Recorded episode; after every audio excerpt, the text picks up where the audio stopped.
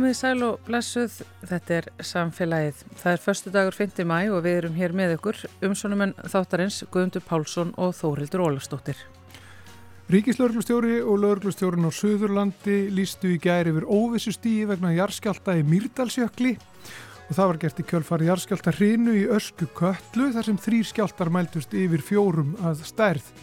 Það verið rólegt síðan, síðan síðdeis í gær og nú fyrir hátegi kom fram á við veðurstofunar að virknin í köllu ösku teljist nú eð, til eðlilegrar bakgrunnsvirkni eldstöðurnar. En óvissi stýðir enn og ástæða til að fylgjast náðu með og kannski dustarikið af viðbras áallunum. Íði Reynisson, yfir lörglu þjóttni á almannavartandild ríkislörglustjóra er aðalmaðurinn í þessu eins og svo mörgu öðru og hann ætlar að ræða við okkur um þessi mál eftir smá stund. Af bráðamótöku landsbítalans berast oft vondar og erfiðar frettir, langir byggtímar, skortur og starfsfólki, veikt fólk sem liggur á göngunum, það er fráflæði vandi og aðstöðuleysi. Fólki sem vinnur á þessari deilt er í framlínusveit spítalans og veit aldrei hvað vinnudagurinn ber í skauti sér. Hvers vegna vil það vera þarna? Hvernig er bráðamótakan sem vinnustæður? Samfélagið heiti sérnámslæknin Unni Ósk Stefansdóttur og náða ræða við hana þó það væri is og þis, háaði og bíp og töluverðar líkur á að sjá blóð. Við reyðluðum dóttir ætla svo að koma til okkar í heimsókn með dýrasögur en við ætlum að byrja á jarðhræringum og köllu.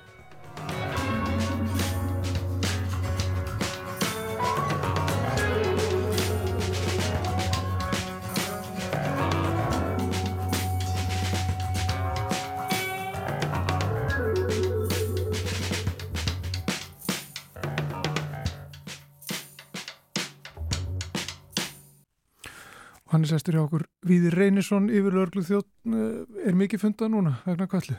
Já, já, það er alltaf þegar eitthvað óvinnulegt er í kvallu þá, þá fer að svona allt kerfið på tætnar og fylgist vel með þetta er, þetta er hættulegt fjall þannig að, að það þarf að við þurfum að vera alveg mjög vakandi yfir þessu Já, og hvenar svona er brúðist við, hvenar farið þið af stað sko, hvaðan hvaðan komu upplýsingar þar sem þið breyðist? Já, veðustofan sem vaktar þetta allan, allan sólarhengin allt árið um kring og, og með mikið að tækjum og búnaði til þess að vakta þetta og þetta samstarfi við, við Jörgvinstastofnun Háskólans líka en, en það er er veðustofan sem ber þess ábyrð að, að, að hérna lifta fánanum að nú sé einhvað óvinnilegt að, að gerast og þá, þá er fundastíft og allir sérfræðingar sem, sem eru nú ansið margi sem hafa, rannsakað kvallu í gerna tíðina og þekkja hegðurina að, að bæði í nútíma og, og síðan söguna líka að þá koma þeirra borðinu og það er reynd að rýna í, í hlutina og, og reyna að spá fyrir hvað er um að gerast og, en, en það er erfitt og mér fannst nú Kristín Jónsdóttir orðaði þetta ágætlega einhvern tíman í viðtali og þetta er svona þegar við erum að fástu eldstöðundur í ökli þá er þetta sjúklingur eins og læknum var með sjúkling sem hann sæ ekki Já. og var einhvern veginn að reyna að, að framkama einhverja aðgerð á sjúklingi sem hann sæ ekki neitt þannig að það er Ég held að það sé ágætið slýsing á við hvað við erum að fást. Það er, það er náttúrulega hérna mörg hundru metra ís ofan á þessari eldstöð sem gerir það verkum að, að svona, það sem við þekkjum úr, úr þessum eldfjöldum sem eru utan jökla, að það sem er auðveldur að fylgjast með ákonum hlutum, að það er mun snúnara þarna og, og þess er náttúrulega erfitt bara að reka mælitæki í þessari hæð sem þarf að vera til að gefa okkur sem bestar upplýsingar. Þannig að það er margt, margt snúð í þessum. Já, og það er margt sem getur gerst sko, og, þetta, og það er á skala sem að getur verið svolítið svona ókveikjandi. Já, það er eins og segir sko, Katla, Katla er hættilegt eldfjall og, og, og það eru margar hættunar og það er það eru auðvitað jarskjáltar sem fylgja umbrútum og þeir geta eftir aftur áhrif, þau kannski ekki svona einn stóri eins og við þekkjum úr Suðurlandskjáltum en, en geta eftir áhrif, það er gasmengun sem að, sem að fylgir svona, það er hætt á hlaupum og flóðum og bæði sem þetta á þess að komin eitt sérstaklega kannski ekkert stort elgós eða jafnvel ekki elgós, þetta hlaupi bara hlaupvatni eins og við þekkjum bara reglulega í múl og kvísl og síðan ef við fáum stort elgós þá, þá fylgir því gríðalegt hlaup. Og síðan í, í kjölfarið eða með, með því að þetta er líka þegar þetta brýst ekki enn í jökulin þá er, er þetta sprengingós með miklu, miklu öskufalli og, og svona getur verið, getur verið snúað því leitinu til eins og, við, eins og við þekkjum bara úr eins og Eifjallagjókulsgósinu og Grímsandagósinum en svona bráðasta hættan í, í stórum kölluelgósum tengist laupunum og þetta er þetta eru svona tölur sem var á mjög öðrött með að skilja 300.000 rúmmetrar á sekundu að vatni það er svona einhver það er erfitt átt að segja á því en, en ég las einhvers tíman, ég held að það vera aðri trösti sem hafi skrifað lýsingun á því að 300.000 rúmættir er eins og tekur Hallgrímskirkju og pakkar henni inn í kassa sem er sendið jafn laung, jafn breið og jafn há. Þannig að voru með pappakassa sem getur stungið Hallgrímskirkju í. Það væri 300.000 rúmættir og það væri sem þetta vassmagnin sem kemur fram hann ég veit ekki hvort þetta er nákvæm, vísindi en þetta setur þetta í samhengi. Þetta, þetta er gríðalegt vassmagn þetta er meira heldur en stærstu ára og jörðin er að, er að, að renna allir jöfnu þannig að, að það er það sem að okkar fyrstu viðbrasálanir ganga út á er að koma fólki úr hættu frá þessu. Og lengi var nú talið að að, og okkar viðbarasáallanir miðust við flóðinni Mýrdalsandin, það sem er náttúrulega lang, lang líklegast, það er 96% ef maður rétt líkur á því að að það fari þar, þannig að bæði algengast og það er líka stærsti hluti vatnasviðskvöllu er, er þar. Síðan eru mögulegar að geta farið niður sólheimjökul sem er, sem er hérna líka hættulegt, það er vinsall, vinsall ferðamannastaður og, og síðan er uh, í setni tíð þá var, var gerðar ansókn og fundið út að það hefðu farið hamfarhlaup til vesturs niður markarkljótið og, og mynda markarkljótsgljúur og, og lagt það skó í eyði sem var þar niður á aurunum og flætt þar yfir það sem eru landiðanir eru núna. Þannig að við eigum sendt viðbarasáallanir og höfum farið í gegnum þær allar fyrir allar þessar sviðsmyndir varandi flóðin og síðan auðvitað er þessi þetta öskufall og þau áhrif sem það getur haft á bæði þá sem búa nær og fjær og og eins og við munum kannski 2010 og svona 2011 áhrif á flugum fyrir líka. Þannig að þetta er, þetta er ansið margt sem þarf að hafa í huga þegar það verður að velta fyrir sig hvað getur gerst að það kemur kvallugos Já, en viðbæðs áallanirnar þær eru til staðar. Ég sagði að hann durst að ríkja þeim. Það þarf kannski ekki að durst að ríkja þeim. Það er alltaf verið að fletta í, í þessum öppum Já, það er þannig reyndar að það er það, við, erum, við erum alltaf öru hverju að fara í gegnum þetta og, og kalla minninu á sig mjög reglulega og það hafa, hafa komið atbyrðu þar sem við farið upp á óvissustíg og ekkert, ekkert síðan gerst og síðan hafa verið, verið hérna stærri atbyrðu eins og 2011 þegar, þegar kom hlaupið sem að tók, tók brúna við múla kvísl og þá fóru við í, í, í rýmingar af hluta til á svæðum þar og þannig að svona í gegnum tíðina hefur þetta verið mjög, mjög oft sem við farið í gegnum þessar áallanir en, Hafþór heitin Jónsson sem var minn lærifæður í almanvarnum, hann var ráðinn inn til almanvarna í fulla vinnu 1971 held ég að það hefur verið til þess að gera, sko, það varða að fara að gera kötla á því að kalla var alveg að fara að gjósa. Og við erum búin að taka þennan sprett nokkur sinnum síðan, að, að taka áallinnar fara alveg í gegnum þær og, og, og hérna, færa þær að þeim tíma sem við búum við hvert, hvert og hverju sinni.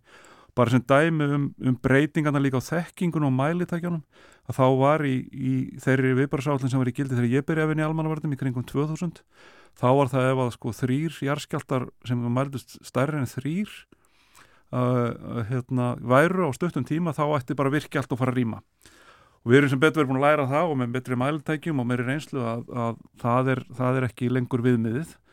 Og en svona þegar að koma skjáltar eins og í gær sem eru þetta sterkir og, og þetta þétt að þá, þá viljum við fara på tætnar og, og fara í gegnum gegnum alla ferla, fara í gegnum all mælitæki. Er allt í lægi, getur við bætt við einhvern tækjum, einhvern sem þurfum að gera og í gær vorum við að hafa alltaf ráðgjör á gasmengun og það var ákveðið að stoppa uh, ferðarþjónustunar að fara í köllijökul og svo voru settir upp, upp viðbúðar gasmælar til þess að skoða og niðurst á maður síðan um hátegi dag afletta því, því banni. Þannig að við erum svona réttir leið að, að, að hérna, hún sé bara að róast aftur. Maður segir alltaf hún sko. En veit, en, en, en það er bara nafni en þessi eldstöð eru auðvitað eru auðvitað hérna, þannig að við verðum að fylgjast með og þetta er eitt best vakt af eldfjall á Íslandi. Það er það er hérna leið og einhver merki kemur þarna þá, þá fara sérfræðingar viðstofnar alveg upp á dannarnu leið sko. Er, er viðbræði æft? Eru það, æfingar haldnar? Það er, hef, hefur verið æft regluleg gennum tíðina, það er orðið aldrei síðan en við vorum með síðustu stóru æfingu þar sem að, þar sem að efðum rýmingarnar alveg og, og við erum búin að fá, fá tvö eldgós á svæðinu þar sem í eiginfelli ökli og, og, og grímsvötnum síðan þannig að við þurftum að þess að breyta líka áallanum um þetta er bara lærdóman af öskufallinu, það var svolítið svolítið nýtt fyrir okkur hvað þessi aska var, hafði mikil áhrif. Það var svona einhvern veginn hafði alltaf fallið í skuggan fyrir flóðahættunni. En síðan var bara eins og, eins og allir muna þessi, þetta ástand sérstaklega svona í nærsveitum við, við eldfjöldin hvað það var skelvilegt og maður skildi betur lýsingarnar frá, frá Köllugósunum 1918 þar sem menn segja að þeir hef ekki séð handa sína skil en, og er líst að menn hef ekki séð lóana útréttri hendi og, og þeir sem að lendi öskufallinu 2010 og 2011 þeir geta bórið þess vitni að það var akkurat þannig þú sást ekki á þér hendunar það sem að mesta öskufalli var þannig að þú gerir ekki neitt, þú reyfir ekki til fólk eða gerir neitt meðan öskufallið er svona mikið og þessin er líka mikilvægt að vera með rýmingar áallanir og viðvöruna kerfið okkar byggt upp þannig að við séum bara búin að koma öllum út áður en að eldgósi kemur upp í gegnum jökulin. Það er Mm. bara mjög mikilvæg hluti af, af þessu ferli. Eitt sem hefur breyst á síðustu tíu áram, segja það, það er ferðarþjóðrustan og það eru mjög margir ferðamenn uh, á, á Íslandi uh, sérstaklega kannski á vorun og sumrin náttúrulega eins og við þekkjum og þeir eru mikið á ferðinni og þetta er bara það svæði sem kannski er einna mest af ferðamennum á og, Já, já. og það hefur vantarlega þurft að, að breyta áallunum og til dæmis með tilliti til rýminga þá lítur þetta að vera daldil áskorun Já, ég eitthvað tíma sá í töluna að, að hérna á þeirra var allt full bókað bæði hótel og, og tjaldsvæð og annað þá gistu 1300 manns í Mýrdalsreppi það sem búa um 400 manns. Og okkar rýmingar þeim á þeim tíma miðu þetta við 400 manns en ekki 1300 manns. Og þessu auðvitað hefur við þurft að breyta og, en, en á sama tíma hefur við líka farið bara í beinar aðgerir í varnagorðum manna til þess að minka þörfina og minka hættuna fyrir Þorpið í Vík fyrir hlóðahættu og setja nýja varnagar sem að sem mun að, sangat allum mótulegu sem við vinnum eftir stoppa flóðið að minnst draga þannig úr því að það sé ekki, ekki lífsætt að fyrir fólk í, í þorpinu sem að þetta hjálpar mikið til við þetta. En, en það sem við sjáum líka í ferðarþjónustunni er að, að það eru gríðarlega mörg fyrirtæki sem er að, sem er að selja þessa, eða leiði út þessa húsbíla af ymsum stærðum og gerðum og sem eru bara malbyggsbíla meðan aðri geta farið út í vegi og á þessu svæði öllu er oft, bara hverju nóttu þegar líður á vorið og yfir sömarið eru oft tögir bíla sem að er lagt bara einhver staðar. Fyrir utan vegi, keirt einhverju slóðar og menn leggja þar og gista þar á nætna þó það sé, það er enda bannað á Söðurlandi að, að gista utan merktra tjaldsvæða og þannig að, að, að það er reynd að hafa eftirlit með þessu og vísa fólki á, á tjaldstæðin og, og það sem að er svona líka meiri þjónustá og þá um leið meira öryggi að við náum til andra síðan erum við með þetta þetta bóðkerfi gegnum SMS-in sem við getum sendt og það er hluti af rýmingaráallin er að senda SMS á allt þetta svæði með upplýsingum um að, um að hættan sé fyrir hendi að sé að fara að gerast einhvað og sé verið að byrja að rýma svæðið. En við vitum það líka, það er ekki, ekki óbriðult þannig að það er samstæri fjölmjöla dæmis mjög miklu máli þessu að koma öllum upplýsingum í innlenda og erlenda fjölmjöla sem fyrst því að við vitum það bara sjálfa þegar við erum í, á tenni að þá lesum við rúf.is og mbl.is sko, og vísi en, en erum ekki að lesa kannski spanska fjölmjöla þannig að við þurfum bara að nálgast þetta með sama hætta við þurfum að koma, koma þessu eins, eins fljótt og við getum í erlenda fjölmjöla líka til þess að, að ferða með sem eru hér og þeir sjáu þetta í sínum fjölmjölum Flug uh, hvaða við bara fyrir í gang varandi flug? Það, við svona áttuðum okkur kannski á því í Eyjafjalla jökulskósinu eins og frækt varð uh, hvað það er viðkvæmt fyrir já, svona náttúrhanförum, eldgósi undir jökli. Já, já. þarna ertum við myndið með þetta, sko, þessu samtengingu með, með ísin og vatnið og, og, og gósi sem veldur þessari miklu sprengivirkni sem veldur þessari að askan verður svona fín og berst svona lánt Eifallega jökulskósið, menn notuður reynsluna því og tækifæri þar til þess að læra mjög mikið í þessum þessum yðnaði bæði flugvila framleiðendur þeir sem ber ábyrð á flugum frá stjórn og svo þetta flugfélagin sjálf að, að, hérna, og svo vísinda fólkið til þess að, að, hérna, sapna gögnum og spá. Þannig að kerfin okkar eru miklu miklu betri í að spá fyrir um það að segja til um það hvað er askan er og hvað er þá hættulegt að fljúa og sagt, menn eru búin að setja mæli hvað á magnið og öskunni hvað er, er viðkjönt og nú bera flugfélagin miklu meiri ábyrð á þessu sjálf og, og þá eftir áleggingum fluglega framleiðan þess að framleiðar heflana hvað er, hvað er með að fljúa og, og, og hvort að megi verið einhver aska eða einhver lítil í, í, í loftrýminu. Og það var eitt af því sem var vandamálið 2010 var það við vissum aldrei með neitt nákvæmni hvar var askan var í hálóftunum á hvaða tíma og það náttúrulega var örginsins vegna bara að loka starra svæði. Nú erum við með, með ratara hérna sem að viðstofan rekur sem að sem að sjá þessu ösku í, í, í mikillir fjalla og geta þar alveg sagt betur til, gefið betur upplýsingar til flugreikanda. Þannig að, að líkunar á því að, að, log, að logist all flugum fyrir Európa eins og gerist 2010 er náttúrulega hverfandi en getur, þetta hefur auðvitað áhrif en, en það verður staðbundana þar sem það er að því við sjáum betur hvað raunverulega aska er og, og erum núna til dæmis það er aðgangur af flugulum sem að, sem að hérna, geta flóið inn í svæði þess að með talin aska til þess að mæla hvort að það séðar aska og annað slíkt. Þannig að, að þetta, þetta var, voru gríðalega fjárfestingar vegna þess að náttúrulega tapið var svo ofbóðslegt í kringum, kringum gósið 2010 þannig að, að fjárfestingar hjá öllum svona aðilum sem hafa hagsmennaðalar í fluginu hafa verið gríðalega miklar til þess að koma vekk fyrir að svona þurfa að gera aftur. En, en það kemur, það verður flugbann á svæðinu Eh, það er svona tíu mílur frá jöklinum er, er bara sjálfur sett á flugbann og, og síðan er það bara fært út eftir viðspónni og, og, og það er, sagt, er hérna, samstarfverkarni í Európu uh, það er, það er hérna, flugveðurstöð í Breitlandi sem gefur síðan út þær viðvaranir sem, að, sem þarf en það byggja algjörlega gognum viðstofunar hér uh, til þess að geta gert það þannig að það reynir mjög á starfsfólk viðstofunar í þessum, þessum geira og og einmitt búið að fjárfæsta mikið og, og fjölga starfsfólki sem hefur, hefur þetta á sinni konu. Já. Það er gert ráð fyrir í ykkar áallunum vantanlega, það er sko því sem við kallum sviðismyndir, þið, þið talið oft um, um sviðismyndir og gerðuð í, í faraldrinum náttúrulega á sínu tíma og þegar að svona uh, náttúruhanfarir uh, blasa við, þá, er, þá eru dregnar upp sviðismyndir. Já. Sko, svo svartast það svo, svona sviðismyndnúmer, ég veit ekki hvað, í hvað flokkum þetta er, en svo alvarlegasta Já. er það bara, er það mikla hryllinsbókmyndir að lesa? Já, þannig sé sko afleðingarnar af slíku getur verið mjög miklar og, og, og ef við ef við hérna, að því við sem gerum ráð fyrir því að geta komið öllu fólki í burtu þá, þá okkar á þannig gangut og það bjarga mannslífum, fyrst og fremst. En mesta eignartjónið sem að flytist af, af kallugósi væri hlaup til vestus, niður markafljótið og niður landeðunar uh, hlaup niður Mýrdalsandin myndi auðvitað valda tjóni í, í hérna, Altaveri og Meðalandi og, og, en það er náttúrulega færri bú þar heldur en, en hinum megin og svo á þjóðuveginum en, en landegar megin er, er, er hérna, þetta sem kallum tjónnæmið eða það sem er undir er miklu fleiri, það er miklu fleiri bæir það eru, það eru hérna, fleiri mannverki í, í hættu þar og, og nýjasta mannverki kannski þar er landegaröfn sem er stort og mikið mannverki og dýrt og, og, og þetta er allt saman undir ef að, ef að flóð færi, færi þeim megin. Þannig að, að, að það, er, það er svona erfiðast að sviðsmyndin tjónulega sé að þú verður leng, svona samfélagið lengst að jafna sig á, á því. Eh, það auðvitað er þetta mjög alvarlegt ef það farir nefnir Mýrdalsand að tæki, tæki vegin á, á stórum köflum og einhverja brýr og síðan í meðalandu alltaf verið eru þetta búskapur og, og ferðarþjónusta og, og, og talvita fólki sem býr þar. Þannig að, að það geti haft mikil áhrif að líka mikið tjón sem hlýsta þessi flóð eru þannig, þetta er ekki bara vatn þetta er ís og þetta er drulla og grjót og þannig að það, það sem verður fyrir þessum flóðum byggingar eða einhver mannverki þau, þau eiðileggjast nánast alveg örglega sko mm.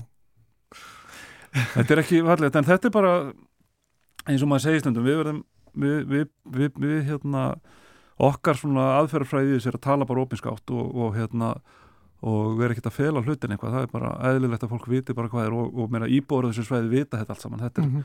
þegar við ef við breytum, það kemur einhver nýjar upplýsingar það kemur nýtt hættum að þá er, er íbúrið þessu svæði er fyrstu sem fá að vita því og við höldum þá íbúrið og kynnum fyrir hlutin og gera það mjög reglulega með almanverðum á Suðurlandi að þeir halda reglulega íbúrið og fara svona yfir það sem er að gerast og, og ef það er einhvað sérsta til dæmis eins og í köllu þá, þá hafa oftur bara blásið til funda til þess að fólk bara geti tala beint við vísendafólkið og og fengið, fengið upplýsingarna bara beint í sín það sem þeir vilja vita. Og það skiptir auðvitað miklu máli íbúinni séu bara hluti af, af þessu almanvarna viðbröð og kannski það mikilvægast að í, í þessu samingi eru bara íbúinni sjálfur Já. Uh, Það er eitthvað að fara að róast þarna. Við, við fengið fréttir af því og þetta svona, var mjög líklega bara svona einhverja heðlileg bakgrunnsvirkni eins og viðstofan kallaða uh, eh, óvissustíði er samt ennþá.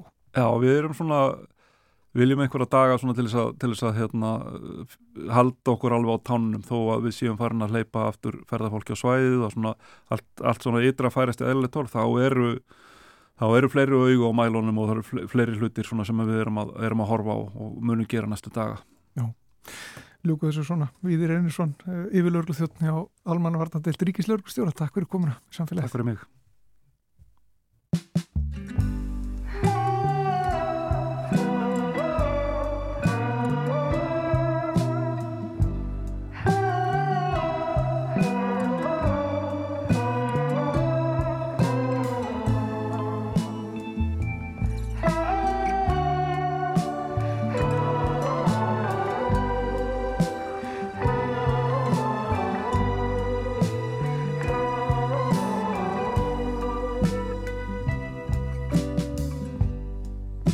my love is sweet.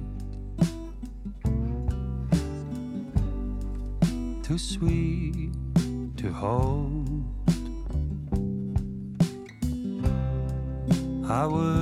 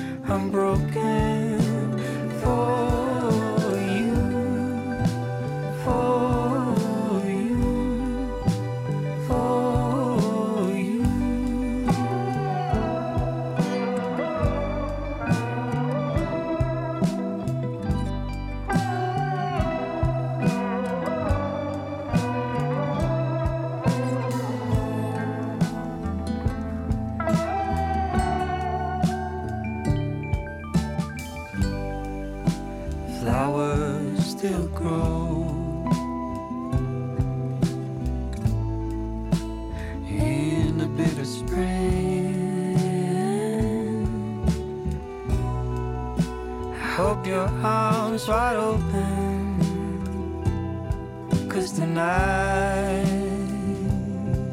I'm broken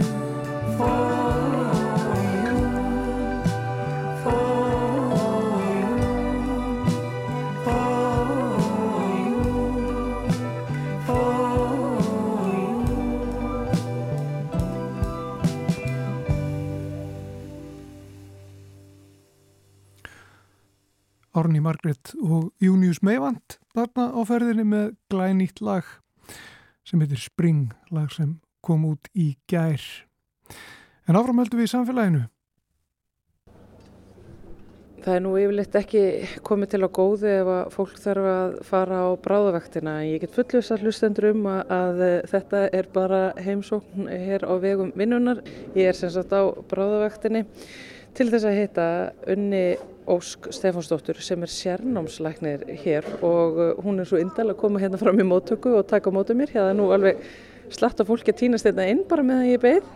Já, þetta er, ég er að ljúka vakt, var hérna á morguvakt í morgun og hérna það er búið að vera svona ströymur af fólki eins og gengur að gerst. Það er. Þegar þú lítur svona yfir þetta, er þetta meira eða minna heldur en venjulega?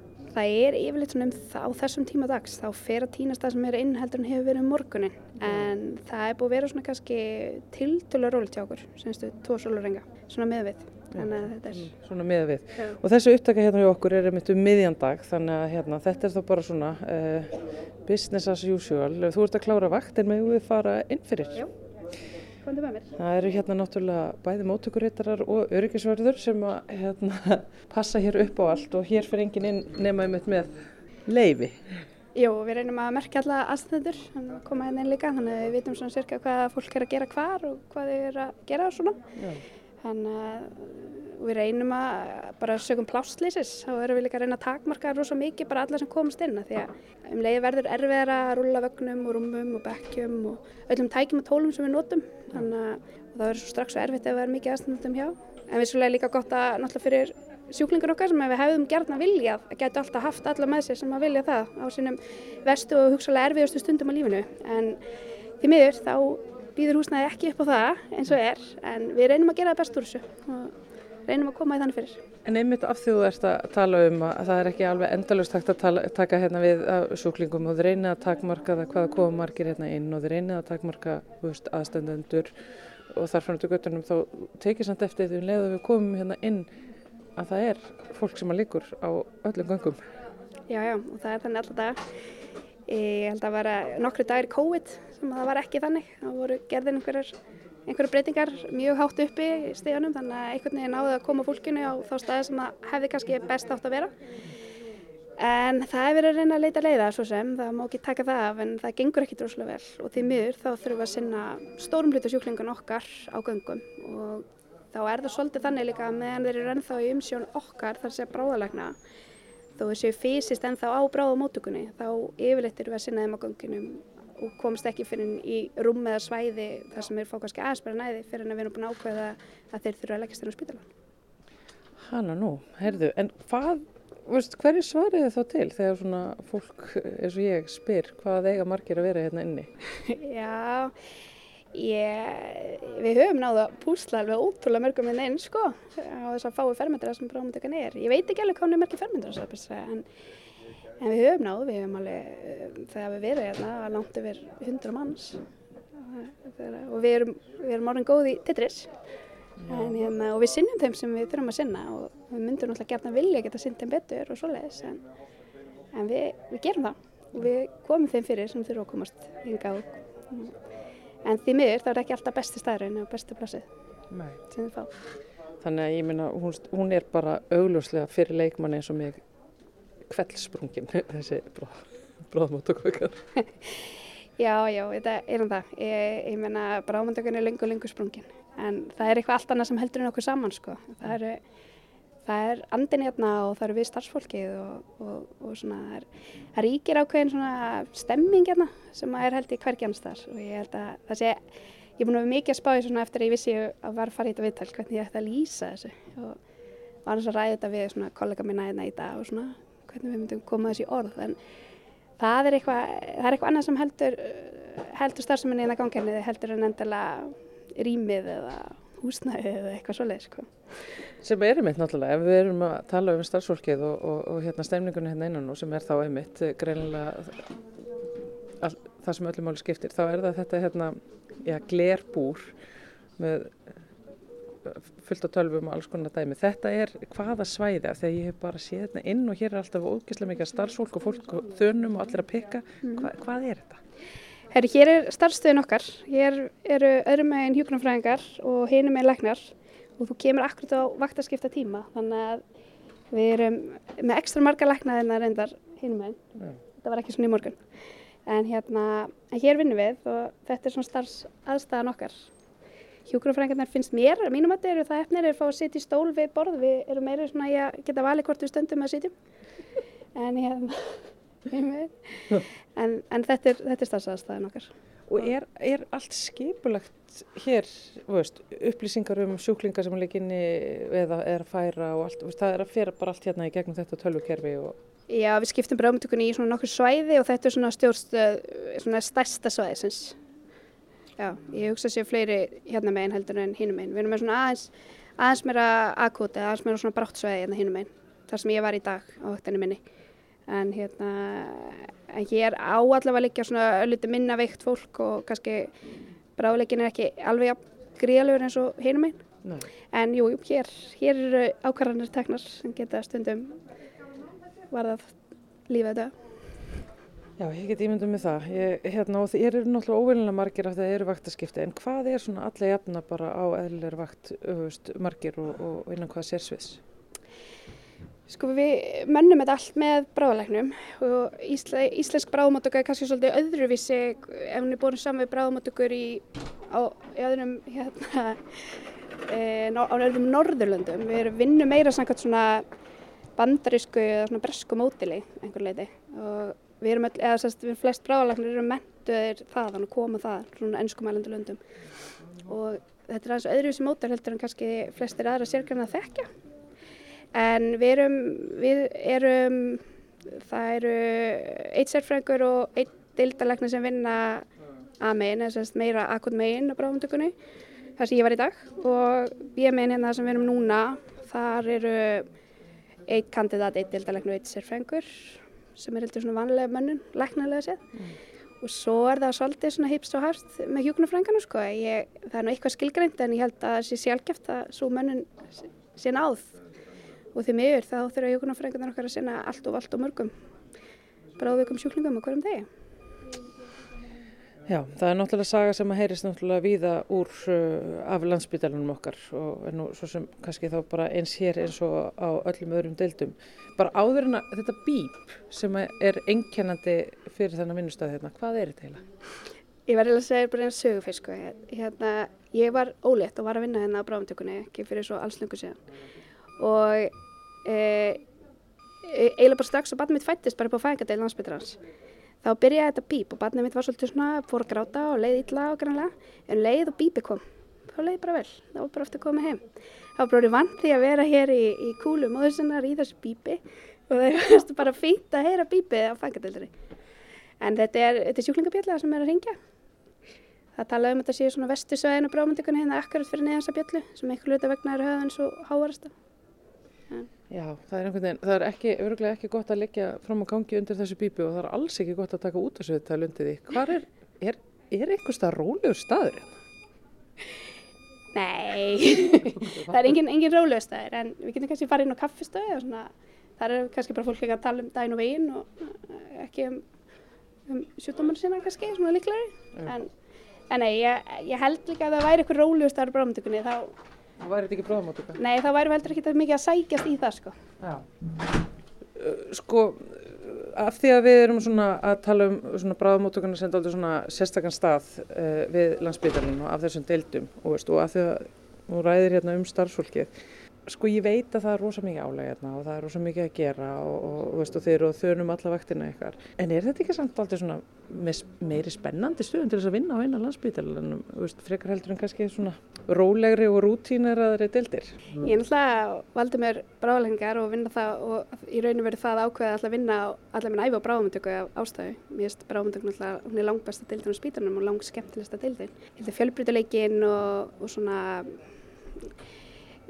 já og, bara starfsandin, teimisvennan, allt þetta sem er bara svo allt öðru sér og heldur en bara alls þar. Og við erum ekki bara að vinna með öðrum helbilskröðum, við erum eins og dörgulega búin að sjá hérna á stuttu gunga okkar, við erum búin að hitta fullt af slökkulismennum, sjúkluflutningamennum, við vinnum mjög þjátt með lauruglunni, við vinnum með félagsrákjöfum, barnavend og bara og náttúrulega hér byrtast líka sjúkarþjálfarar og yfirþjálfarar og, og allt slíkt sko. Þannig að þetta er náttúrulega alveg rosalega fjölbreytt. Og ég, þú veist það var engin í dag til dæmis af þessum 12 sjúklingur sem ég sá í dag það var engin sem að var með sömu vandamálin eða sömu umkvartanar eða neitt. Þannig að og ég meina það er þetta sem gerir bráðmyndugunum alltaf af svo sko, eftirsóttum vinnustaf og það er þetta sem við sækjum í. Við erum öll svolítið adrenalin fíklar, við erum öll svolítið svona, við viljum ekkert vinna við eitthvað eitt, myna, þetta er staðinu sem við viljum vinna á. Við, enginn okkar vil hætta. Hérna. En, en hérna, en svona, en stundum er kannski bara svona vinnu aðstæðunar og það að okkur finnist stundum ekki alveg kannski á okkur hlusta, það er það sem við höfum ágjörðanar. En, annars er þetta alveg, þetta er besti vinnstari í allum heiminum sko. Ég myndi aldrei vilja fara í það. En hvað er fallegt og, pínlítið gott að heyra, en þetta er okkur einlega svona sérstakka típur sem að veljast hingað inn. Uh, mér langar aðeins að, að þá velta því upp að þeir stundum eru orðraðan um bráðmáttökuna þannig fólk kemur hérna oft með trillingsögur, maður lesa á samfélagsmiðlum að fólki sem hefur þurft að býða þarna frammi í bara í mi- mikill vanlíðan í marga klukkutíma og, og hérna og síðan hefur það komið hérna inn og, og, og þeirra mál hafa unnist seint og illa og, og það er fráflæði vandi hérna og veistu, fólk kemur oft bara ekki með kannski svona góða reynslu af bráðamáttökunni þannig að ég, ég vil samt benda á að yfirleitt eru þessu sögur sko fylgir yfirleitt alltaf sko bara við, við fundum að starfsfólki var að gera sitt besta. En, en það heyra svona um þennan vinnustað sem að þið elskið svona mikið og viljið svo mikið vinna á. Veistu, næri þetta þetta inn fyrir skinnið á eitthvað starfsfólkinu hérna Þetta gerir það alveg einhverju leiti en okkur finnst það líka stundu kannski bara, ég meina því auðvitað er þetta bara veruleikin, þetta er veruleikin sem við vinnum í og þessi sjúklingar er ekkert að ljúa, ég meina þeir eru oft, það er bara oft þannig að þegar það er mikið að gera og við þurfum að reyna að forgangsflokka rosa vel inn á bráðumtökuna, þá er oft bara margar klukkutíma að byggja frammi. Og það er náttúrulega, er ekkert ásættalegt og það á ekkert að vera þannig. Og við myndum aldrei vilja hafa það þannig. En því miður þá er það þannig og, og eins og ég segi, og stundum er erfitt að fá þær rannsóknir sem við þurfum að fá og, og slíkt. En við viljum satt líka ekki að þeir, þeir sjúklingar sem upplifa slíkt bara e, þegjum það heima hjá sér. Við viljum fá þá umfellum líka því, og við byggjum þau eftir um það, ég er bara að segja það því að einhvern veginn verðist það ná til fleiri. En jú, þetta nær alveg undir skinnamanni auðvitað og og það er kannski svo, er rosa sjálfgeft til dæmis að það sé tala vel um þennan vinnustad og er sjálfgeft að það sé rætt um eitthvað sem er hér gert og reynd að gera til þess að til þess að auka, auka ánægu sjúklingan okkar og svoleiðis sem er þó alveg reynd þannig að ég held að mig ekki gleyma því og hérna ég held að til dæmis langar mig bara sem sennumsleiknir að benda á það að þegar ég byrjaði í sérnámi sem var fyrir einhverjum sex árum síðan eða eitthvað svo leiðis að hérna þá byrjaði með mér hópur af fólki og við erum öll ennþá í okkar sérnámi. Við erum aðeins komin í minst langt núna því við erum átt mismörg börn í millitíðinni en hérna en, en ég meina við erum öll hérna ennþá og, og við erum öll haldið áfram og okkur hafa alveg búðist tækifæri annar staðar en við komum alltaf öll aftur hingað og við hvað sem svo sem þekkjum eiginlega ekkert annað. Þetta er bara okkar veruleiki og í, það er svolítið svona þessi bráumdöka sem við höfum alltaf finnið á, en samt ákveðu að vinna þarna. Þannig að það er eitthvað, eitthvað gott, það er eitthvað gott að gerast og við nutum við kennsluvelurinn í fyrra og þannig að það er svona, það er svona margt svona sem að lítið. Hér til mig skildum við rísastóra ídrefnaæfingu í gerð, bara með Það það var þraugt en við náðum því og við, við, gerðum, við heldum góða æfingu og komist að því að það er margt sem á laga ég, ef skildi verða eitrumnáru á Íslandi. En hérna en, en það var til mér rosalega gaman. En það lítið um það fjallað. Já, ummitt.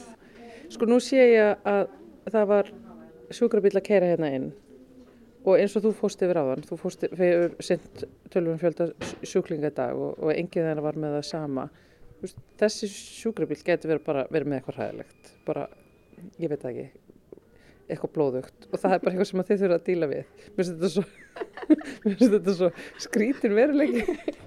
Já, já, við, við erum samt allavega um, við höfum ágættis fjarskiptakerfi þannig að við fáum nú ofta að vita að við hefum vona á einhverju alveg hræðilegu að, að, hérna... hérna... það kemur ekki einhver svona kvellur bara meðan ég stendi hérna af því ég vil ekki vera fyrir ef það skildi koma eitthvað ræðilegt Nei, nei, það, það gerist yfirleitt ekki þannig. Ef þetta getur alveg gerst að fólk lappar inn á göttunni og ég menna, það hefur alveg gerst og... Ég held að það myndi líða yfir mig ef ég sæði blóð. Og ég hættu á að sjá blóðið hérna inni meðan ég er hérna Já, já, þú tætt að sjá blóðinni en, en, en ekkert engar springingu þetta vera, en ég menna við, við vinnum samt með alls konar við erum alltaf með alls konar lítil yngrepp, skiluru og við sömum sáru, sjáum stóru skurði og setjum æðalegi og alls konar svona sem við gerum næstu ykkur með einstasjúkling sem kemur inn til okkar. Það er bara áhættu höfður fyrir mig að vera að koma hérna í þetta vital og ég skil ekki aftur, það er bara frábært að þið vinni við þessu en, en, en, kemur aldrei neitt eitthvað óvart, er, er aldrei eitthvað bara, veist, mál eða, eða fjöldi eða eitthvað þannig að þú bara, ok, þetta get, ég bara ræði ekki við þetta? Ég held ég aldrei upplega að ég ráði ekki við hlutina. Uh, og ég held að það sé líka kannski svolítið sem að við verðum að, byggja, við verðum að láta til þess að þetta gangi upp allt saman og til þess að bara bráðmatökunum fungari þá verðum að, má maður ekki verið settur í spór sem maður ræður ekki við. Og ég held að það er náttúrulega bara stýst kannski og það er náttúrulega almennt sé bara í læknisvegi og, og gildir líka hjúgrun og fleiri starfstöðum að að ég, já, að þú verður að hafa þá þjálfin og þann undirbúning sem hart og ég haft til þess að geta tekist á við aðstæður og ég held að við séum alveg góð í því. Ég held að það sé mjög sjálfgeft að fólk upplifu það að sé sett í aðstæður sem að lára ráð ekki við og ég held að það sé mjög sjálfgeft að ég hef allavega lendi en þó ég ætla ekki að segja aldrei, aldrei en, já. En minn, og svo æfið líka ykkur eins og eiturrefna æfingin í gær og þið eruð að æfi ykkur undir mögulega hræðilegustu hluti. Jú, við gerum það og, og við, hérna, við höldum til dæmis líka svona trámaæfingar eða svona fjöl áverka æfingar, erum að halda það til dæmis eins og í viku. Það er svona, byggist helst á því við höfum allavega eitt svona bráða, uh, bráða ferning til að taka þátt, eða taka, já, gera svo leiðis æfingu. Og ég meina okkur finnst það líka alveg ógeðslega gaman, skiljur Ég held að, ég held að það veri fáir sem að vilja vinna bráðmyndiku eða vera í, í bráðalekningum eða, eða bráða hjúgrunn sem að ekki finnist í raun og veru kannski bara svolítið challenge og svolítið gaman að taka á móti alvarlega veikum sjúklingi eða alvarlega slösuðum sjúklingi. En, að, þannig að það er eitthvað sem að ég held að við gerum líka bara nokkuð vel. Sko ég náttúrulega var uppálagt þegar ég kom hérna inn uh, sem fjölmjölumannaskja þá náttúrulega gekk þetta upp að þetta er út af sögtal og eins og þú sagðir áðan að, að hérna hér er náttúrulega fólk að koma inn mjög viðkvæmt, það er illafarið ofta á sínum erfiðustu og ræðilegustu stundum. Það koma alls konar fólk hérna inn og það er alls konar ástand og, og, og, og, alls konar hluti sem hafa komið fyrir það og ég, veist, veist, að, að líka þessi andli styrkur að mæta fólki á alls konar stöðu. Hvernig, hvernig viðhaldið þið því og vinnið þið sérstaklega í því? E, við kannski mættum alveg vinna svolítið meira í því en ég held að það sé svolítið bara það þegar það að þú gefur en þú far líka alltaf svo mikið á móti. Og það er það sem að gefur þér bæðis á lekni en ég held að það sé alveg sérstaklega mikið kannski eins og á bráðmöndugur hittir fólk á sínu vestu stundum. Kannski þarf þetta að segja eitthvað alveg hræðilegt að það sem er krabba megin eða eitthvað. En hérna en ég held líka bara hvernig við svona höldum utan að hvort annað sem vinnum með það við erum svo, við erum svo rosalega svona við tökum við tökum opnum örmum mótið hver öðru og við hugsaum rosalega vel um hvort annað. Þannig að ef það verður upp eitthvað atvik eða eitthvað erfitt gerist eða eitthvað svoleiðist þá, þá veist alveg hvað þú hefur styrk að sækja. Og við reynum að ræða öll erfi mál og, og svona og, og tala um það ef eitthvað svolítið gerist sko. En svo gefa sjúklingarnir manni líka bara svo svaklega mikið, þú veist, maður, þó maður gefur þeim eitthvað og tekur mótið um þeirra erfiðstu stundum þá bara sjá að maður getur kannski létt eitthvað undir með þeim, jafnvel bara með því að hlusta. Það er það allavega sem gefur mér bara mjög mikið tilbaka. Þú veit sér kannski smá klísja. það má, það má. Sko, Unnur, þú ert að klára núna vakt, hvað var hún löng, segir þú? Hún var bara 8 tímar, það er ekki neitt. Og hvenar er næsta? Á morgun. Ég er aftur á svona morgunvakt á morgun, þannig ég mæti klukkan 8 í fyrramæli. Og rótir eru vökturinu þínum, þú veist að því að þú ert fjölskyldumanniski og svona, og veist, hvernig, hvernig gengur það að vinna á bráðmáttökunni og eiga fjölskyldu og eitthvað líf? Heyri, ég er svolítið gift vinninu minni, þess að við erum kannski mörg, en hérna ég á afskiplega góða mömmu sem að passa bandið mitt, en hérna En jú, við róturum vöktum alveg rosalega mikið, þannig að við vinnum á þessast þrískiptu vöktum bæði leknar og hjúkunarfrækjar og erum alltaf í mjög stóru prósundu. Ég held að við flest sérnámsleiknar séum í 100% starfslutvalli, þannig að við, við mætum bara til skiptis og það er rosalega bara hist og herr hvernig vektinir okkar skiptast. Það er ekki, ekki svona, svona kerfin eitt sérstaklega yfir það þannig. Þú ert, þú ert að vinna öllu tímum sólarhengsins og allt getur gæst og eflust gerist að flest. Já, það er svolítið þannig. En það held ég að við séum öll kannski með smá votta ADHD og, og eflust einhverju svona smá, eins og ég segi, við erum öll svolítið adrenalinfíklar og svolítið, sko. Við erum alltaf, og við, við mennum líka þyrluna og við, það er svona ímislegt sem kemur frá okkur, sko. Við erum, við erum viðbrastæl landsbyttalans og erum svona framlíðan og við erum tilbúin. Ef eitthvað ræðilegt gerist, þá er það við og við erum svo samlega tilbúin í það. Bara mikið er ég rosalega glöð að heyra það og, og takk fyrir að gera þetta og leiða mér að koma hérna inn en ég er svo hrættum að ég er eftir að sjá blóð að ég verða að fara hérna út. Þannig að Unnur Ósk Stefansdóttir, sérnámsleiknir, ertu til í að fylgja mér hérna út. Takk fyrir.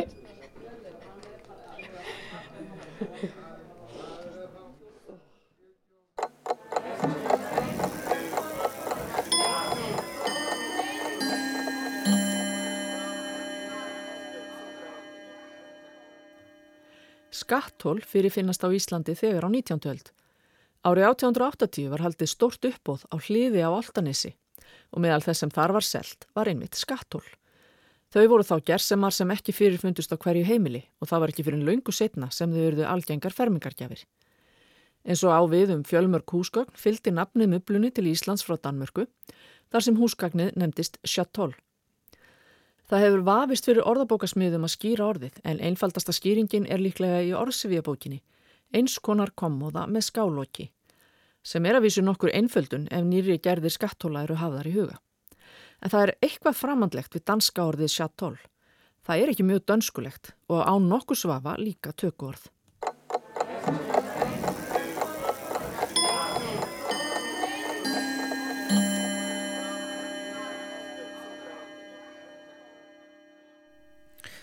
orð. Málfarsmínúta með okkar konu önnu segriði þráhansdóttur Málfarsraðanöld. En talandi um okkar konur, einn þeirra er hingað komin til okkar. Hún heitir Vera Íllóðadóttir og kíkir stundum í samfélagið til þess að segja okkur frá dýrum. Uh, sælvertu Vera? Komið sæl. Sko þú hefur nú oft verið að fara í svona óvennuleg dýr sem eru, við heyrum allt og lítið af almennt í, í íslensku fjölmjölum. Uh, er það svo í dag? Nei, í uh, dag ætla ég að lefa mér að tala um svona frekar venjulegt dýr, vissulega ekki uh, dýr sem að fyrir finnst vilt hér á Íslandi en margir íslendingar þekkja og eiga jáfnvel á heimilum sínum, Páfagökurinn um, en Ég ætla aðeins að, að nefna eh, nýja rannsókn sem snertir páfagauka og helsu þeirra og sálarlíf eh, kannski. En svona til að leiða aðeins inn í það þá langar mig að, já ég vona að, að hlustendur fyrirgefi mér að rifja aðeins upp eh, heimsfaraldurinn sem var hér fyrir nokkrum missurum síðan. Og gerði meðal annars það verkum að, að fólk uh, fór mikið að nota í auknum mæli ímiskonar uh, fjarfundarbúnað og, og forrit og, og, og slíkt, sællar minningar Zoom og Teams og Skype og hvaðina og ég held ég hafi nú komið inn á það uh, jável í þessum þætti einhvern tíman á, á sínum tíma að þetta var það ekki bara mannfólkið sem að fóra að nýta sér uh, þennan búnað heldur uh, líka dýrin og uh, það voru til dæmis uh, dýragarðar og sömulegis uh, já, bændur og, og búgarðar og alls konar svoleiðis starfsemi sem, a, sem að bauð upp á það. Það var hægt að, var hægt að ringja í geit eða astna eða eitthvað slíkt í gegnum þennan búnað ef maður átti í vændum kannski leiðinlegan sumfund sem maður, maður vildi hressa aðeins upp á þá gæti maður, maður bóka geit og, og ringti hana og haft hana með á, á fundunum og, og, og svo leiðis og dýragarðar sem að neittust til að loka í samkomminn takmörkunum, þeir buð upp á það að Bella Magat, Magat uh, ringti dýrin í svona fjárfundabúnaði og uh, þetta kannski svona meira fyrir, fyrir uh, mennina gert en uh, líka fyrir dæmum að þessi búnaðar hafi notað, notaður uh, fyrir dýrin. Það var til dæmis sætýrasafni í Japan þar sem að verðir starfsfólk voru að taka eftir því að ákveðin álategund, svo kallar garð álar sem að svona eru svona frekar hlétrægir alla jafna en, en voru þar hafðir í, í, í, í stórum glerbúrum, þeir uh, urðu svona uh, skelkaðir þegar gestir hættu að koma og síðan komu starfsmenn sætirasapsins og ætluði að gefa álunum og þá voru þeir orðinni skelkaðir að því að þeir sem sagt voru búin að gleima því einhvern veginn að, að, að fólk væri til. Þannig að þeir voru orðnir uh, mjög hrættir við að sjá fólk og, og svoleiðis eftir, eftir nokkura vikna samkomtakmarkanir þannig að uh, þetta sætirasapn uh, bauð síðan upp á það að þeir settu upp svona spjaltölfur fyrir uh, framann álana og uh, síðan gæti maður hringt í álana og spjalla við þá svona til þess að, til þess að minna þessa ágætu ála á það að, fólk væri til og, halda þeim svona í einhvers konar, einhvers konar kontakt við uh, fólk þó svo að engir gestir kæmu líkamlega á safnið. Uh, og þetta held ég að hafi bara uh, gengið príðisvel og uh, síðan var það einnig, það var líka dýragarður í, í Tjekklandi sem að tók eftir því í samkominn takmörkunum að simpansarnar í, í, í gardinum virtust vera orðnir svona frekar niðurdregnir þegar að engir gestir komu að berja þá augum og, og dásta þeim.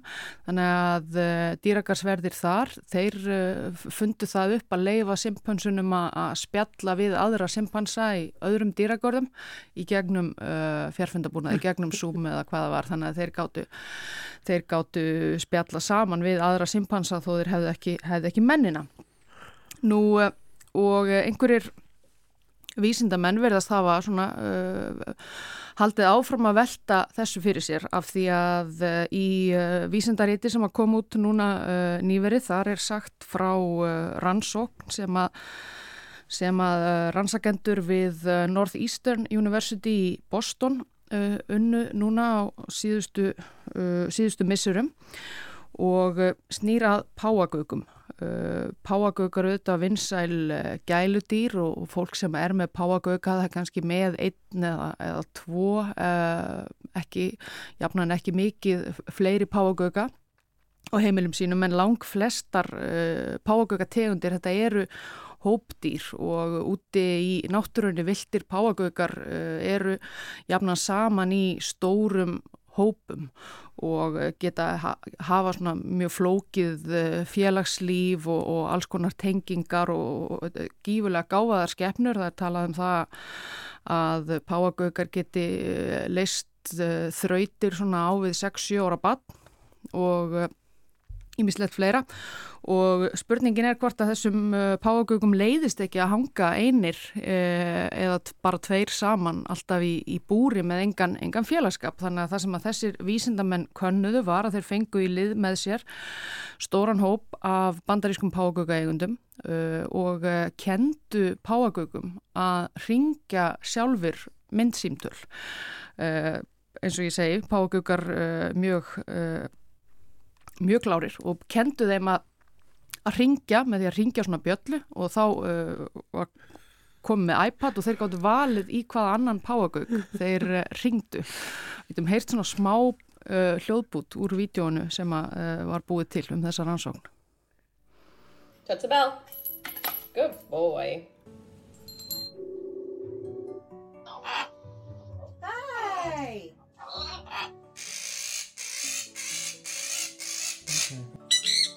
There's your friend Theo.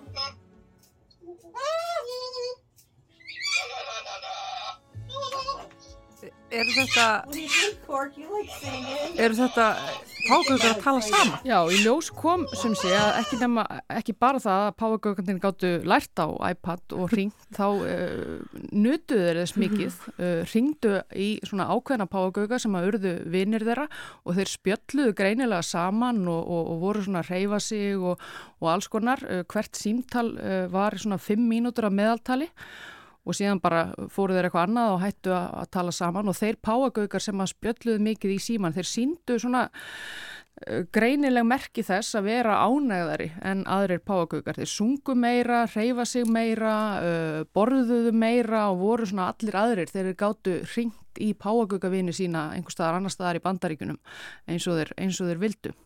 Þannig að greinilegt að uh, svona meðal páagaukur í búri uh, er kannski svona frekar einmana og uh, vill geta hringt í vinn. Gaukur er gauk skaman. Nákvæmlega. Jésús góður. Og, og er ykkur, ykkur, verður eitthvað framhald að þessu rannsóknu, vitum við það? Uh, já, sko, það er nefnt í rannsókninni að þeir págökar sem að tóku þátt í þessu verkefni, þeir uh, halda áfram að ringja og halda áfram að fara fram á það að fá að ringja í þessa vini sína og uh, sérstaklega það að þeir svona uh, páagaugar sem að voru spjallglaðir og ringdu mikið sjálfur í aðra páagauga, þeir uh, urðu vinsælari þannig að það eru greinlega svona félagslindir páagaugar sem, a, sem að njóta vinsælda og það, þeir eru örglega ennþá að ringja í þessum töluðum orðum. Svona langsíma línu hérna kaukar. Já, þannig ég hvet íslenska uh, págauka eigundur til þess, a, til þess að prófa þetta og mynda tengsl og, og, byrja að ringja. Það eru held ég hérna, Facebook síðan, Páagaukar á Íslandi, held ég að hún sé hérna, sem eru eigundur, eða Gaukar á Íslandi. Það er, það er allan einhver síða sem er fyrir fuggla eigundur á Íslandi. Bara við þurfum að setja þetta strax inn Og svo viljum við fá að heyra að því hér í samfélaginu hvaða gökar eru vi- símavinir og hvernig þeim kemur saman og hvað eru að ringjast oft á dag. Þetta er akutmál. Þetta er algjörlega akut mál og eiginlega líklega einn hérna, þarfasta rannsókn sem hefur verið gerð e, úr COVID sem hefur verið fjallað um hér í, í samfélaginu. Og auðvitað kemur þú með hana hérna inn til okkar vera eitthvað En það er náttúrulega myndin skiptir rosalega miklu máli. Já, þeir, sem sagt, þeir gogguðu á þann sem þeir Já.